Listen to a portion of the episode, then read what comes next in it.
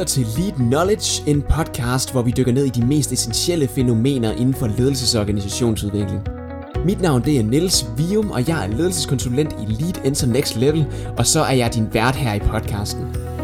Hjertelig velkommen til. Ja, hjertelig velkommen til endnu en episode af Lead Knowledge. Igen har jeg taget Stephanie Bækstrøm fra Lead med i Lead Knowledge studiet her. Og øh, jeg ved ikke, om du har hørt den anden episode, vi har optaget. Eller den tredje episode, vi har optaget for den sags skyld. Det er faktisk nummer tre, det her. Om, øh, omkring evalueringer. Og, øh, og, og det er jo egentlig også lige meget, fordi nu der sidder vi her, og vi skal fokusere ind og zoome ind, om man vil, på netop ledelsesevaluering. Øh, de to andre afsnit, det er evaluering sådan helt generelt, og trivselsmålinger, men det vi skal fokusere på i det her afsnit, helt kort, det er simpelthen ledelsesevalueringen. For vi er jo et ledelseskonsulenthus, dybest set er vigtigt i, uh, i lead, Stefan. Det kan man nok godt sige. Hjertelig velkommen til i hvert fald. tak skal du have. og det første spørgsmål, jeg har til dig, det er, hvad er en ledelsesevaluering så? Ja, godt spørgsmål. Jamen, øh, ledelsesevalueringer. Ja, hvad er det for en størrelse? Jamen, det er jo egentlig et, øh, en evaluering, du bruger til at øh, finde ud af, men hvordan er vores ledelse øh, i organisationen. Og når det er, at vi taler ledelse, men så taler vi adfærd. Der er rigtig mange, der tænker, når det er, at der skal ledelsesevalueres, så tænker man, åh oh, nej, så skal vi til at finde ud af folks personligheder, og øh, hvad for en boks vi kan putte dem i. Øh, mm. Øh, og der skal vi egentlig sådan et skridt tilbage, og så sige, nej, nah, i ledelsesevalueringer, der måler vi faktisk ikke på personerne. Vi, vi måler ikke på din personlighed.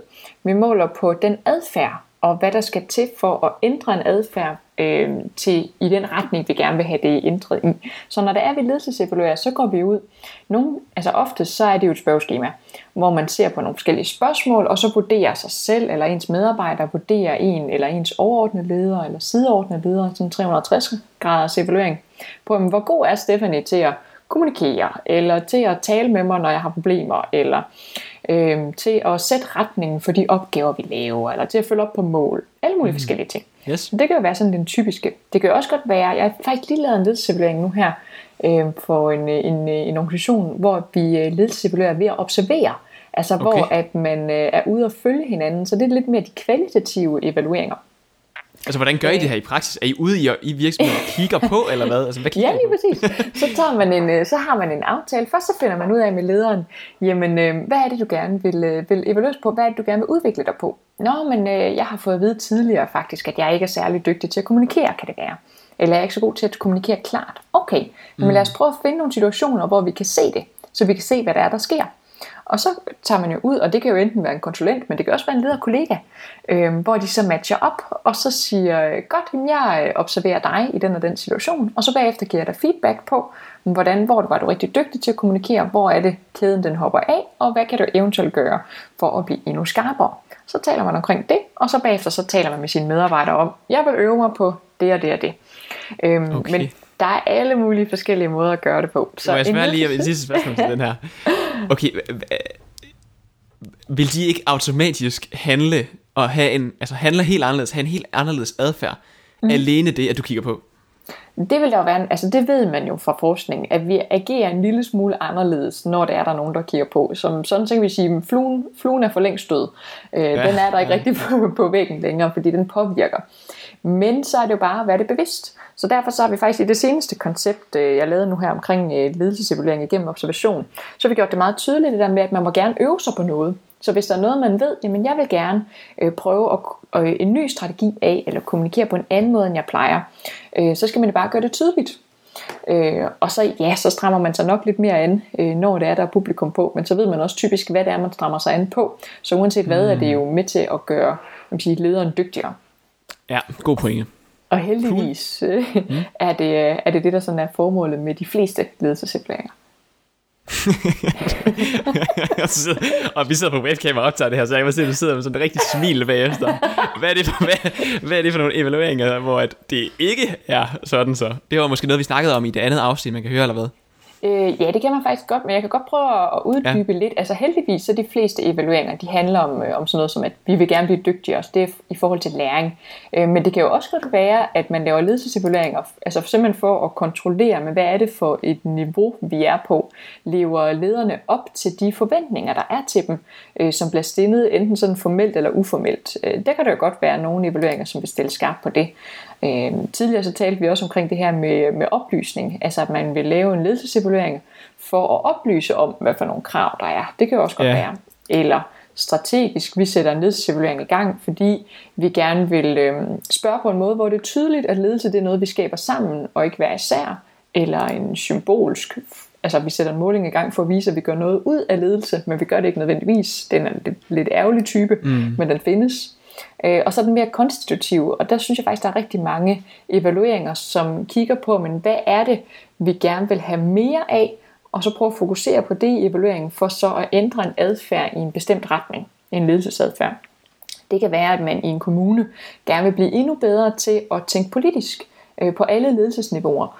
Øh, og så giver det jo rigtig god mening, at det er noget af det, man spørger ind til. Fordi Klar. så er det noget, man naturligt kommer til at beskæftige sig med, når der man skal følge op på den her evaluering, og man begynder at tale med sine medarbejdere om, hvad vil det faktisk sige, at vi tænker øh, politisk eller strategisk. Øh, øh, så det sætter nogle gode dialoger i gang øh, efterfølgende, og forhåbentlig også før. Men noget af det vigtigste igen, det er at stille sig spørgsmål om, hvorfor vil man lave en ledelsesevaluering? Er alle de her forhåbentlig, er det for at blive endnu dygtigere? Hvad er det for nogle beslutninger, man vil kunne træffe øh, efterfølgende? Det kan også være sådan noget som, øh, hvad sker der øh, med de ledere, der scorer lavt? Hvad er, øh, altså, hvad er konsekvenserne ved det? Mm. Er, det en, er det bare, at man taler med sin leder, og at man bare skal bruge det som et standpunkt på at blive endnu dygtigere? Der er jo også nogle organisationer, som siger, at vi arbejder med bonuslønning, og man får ikke sin bonusløn, hvis ikke man får okay. en, øh, en god ledelsesevaluering. Uh. Øhm, så det skal bare være rimelig tydeligt, når det er, man designer, sådan at man får lavet nogle, yes. nogle gode og ordentlige. Der er jo rigtig meget etik og moral i sådan nogle evalueringer.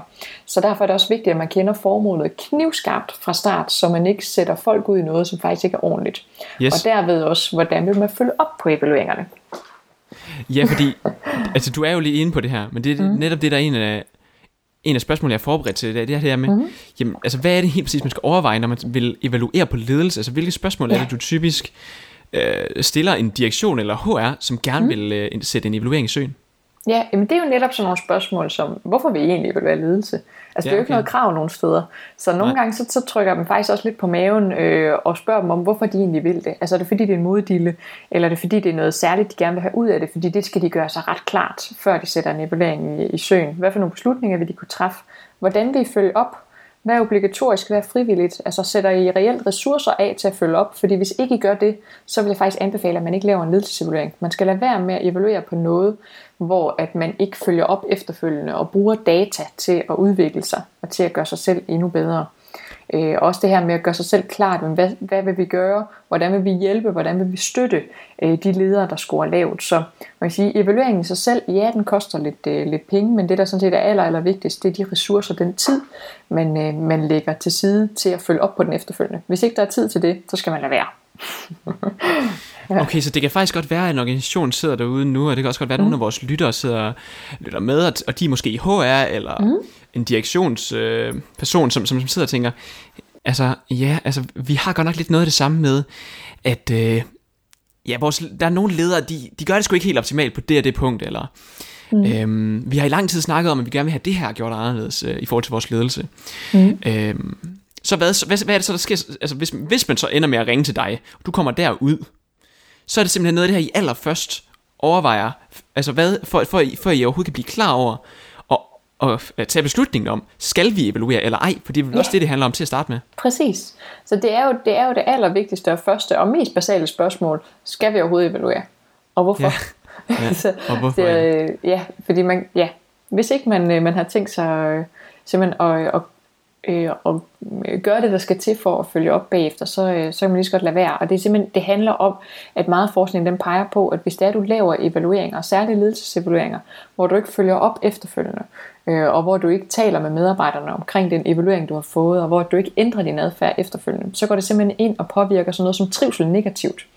Øh, og det er Nå. jo klart, fordi at øh, hvis nu at jeg har spurgt alle mine medarbejdere om, hvordan synes I, jeg er som en leder, og hvad kan jeg gøre for at forbedre mig? Og så har I været ærlige og åbne og tålmodige, brugt jeres sparsomme tid på det her, øh, og vist mig enorm tillid ved faktisk at være ærlig omkring det. Og så gør jeg ikke noget ved det. Det, øh, det er jo enormt demotiverende for mine medarbejdere.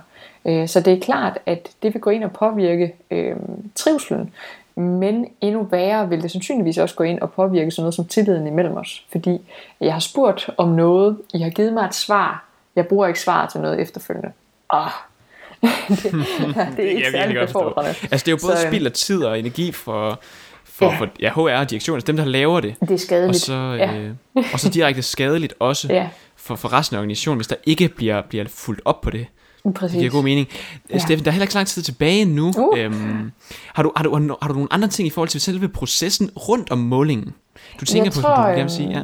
Ja, altså rundt om målingen, øh, der kan jeg godt lige kort sige noget om, øhm, men det kan jeg fortælle lang tid om. Det her med, at hmm. ofte så har man lagt meget energien på at designe målingen, og det er selvfølgelig rigtig, rigtig vigtigt, at man stiller sig selv spørgsmål omkring, skal vi evaluere som en gruppe? Er det en person? Er det op fra, nede fra til siden? Skal der være forskel mellem ledelsesniveauerne? Skal det være gennem spørgeskema, dialog, observation, interview? Der er rigtig mange forskellige øh, spørgsmål til, øh, hvordan man skal gøre, som jo lægger sig op af, hvorfor vi skal gøre det. Men det ja. der, øh, man kan sige, der bliver der lagt rigtig meget energi, men der hvor den meste af energien skal ligges, det er faktisk før og efter selve målingen. Fordi der er rigtig meget, du kan påvirke, inden målingen faktisk går i gang. Det er så noget som tillid og tryghed til at få en god dialog, uanset hvad for en måling du sætter i gang. Så at man har en god dialog omkring ledelse og hvordan man skal udvikle ledelse, den starter faktisk allerede inden. For eksempel hvis det er, du sender et spørgeskema ud, og du gerne vil have en høj svarprocent eller ærlige besvarelser, så er det ikke noget, du kan påvirke selve svarperioden. Så er det noget, du skal påvirke halvanden til to måneder, inden målingen bliver sat i gang. Ah. Øh, og der er det vigtigt, at man lige får lavet en god man kan sige, opvarmning, forberedelse på. Og det er jo både sådan noget som, hvordan bliver målingen sat i søen, hvordan vil vi følge op på det. Hvis nu sidste gang, at øh, mine medarbejdere, de oplevede, at jeg ikke fulgte op, så vil de sandsynligvis øh, tro, at jeg ikke følger op denne her gang igen, og derved ikke øh, svarer på spørgeskemaet, med mindre at øh, jeg går ud og viser mig som den gode leder og får, øh, får taget en snak med dem om, jeg ved godt, at det gik så godt sidste gang, den her gang har jeg tænkt mig at gøre sådan, sådan, sådan, for at få skabt tillid til, at de input, de kommer med, er reelt noget, jeg vil bruge til noget mm. efterfølgende. Så det er noget af det, man kan gøre inden selve målingen. Og efter målingen skal man selvfølgelig tage det her seriøst og få fuldt op i alle relationer. Så det er jo både op, ned til siden, på tværs af afdelinger, alt efter hvad man har brug for. Så alt efter hvad der var målet med, med målingen, men så begynder det reelle arbejde jo først, når målingen, observationen, analysen er, er færdig. Med de ord, Stephanie, så vil jeg gerne sige tusind tak, fordi du gad at deltage i det her interview. Selv tak skal du have. Og et start lytter med derude. Tak fordi du lyttede med, og, øh, og rigtig fedt, øh, hvis du er nået hele vejen øh, hertil. Og, og egentlig også vil jeg også sige, ind på, øh, på lead.eu, vores hjemmeside, der kan du læse meget mere om det her felt, og du kan også lytte til de andre podcasts, både om evalueringer, der er to andre afsnit, og øh, også selvfølgelig om, øh, eller den ene der om evalueringer helt generelt, den anden om trivselsmålinger, men inden for det her felt. Og ellers er der også en række andre podcast om nogle af de andre øvelser, vi laver. Ellers må du have det rigtig godt, til vi lyttes ved igen næste gang.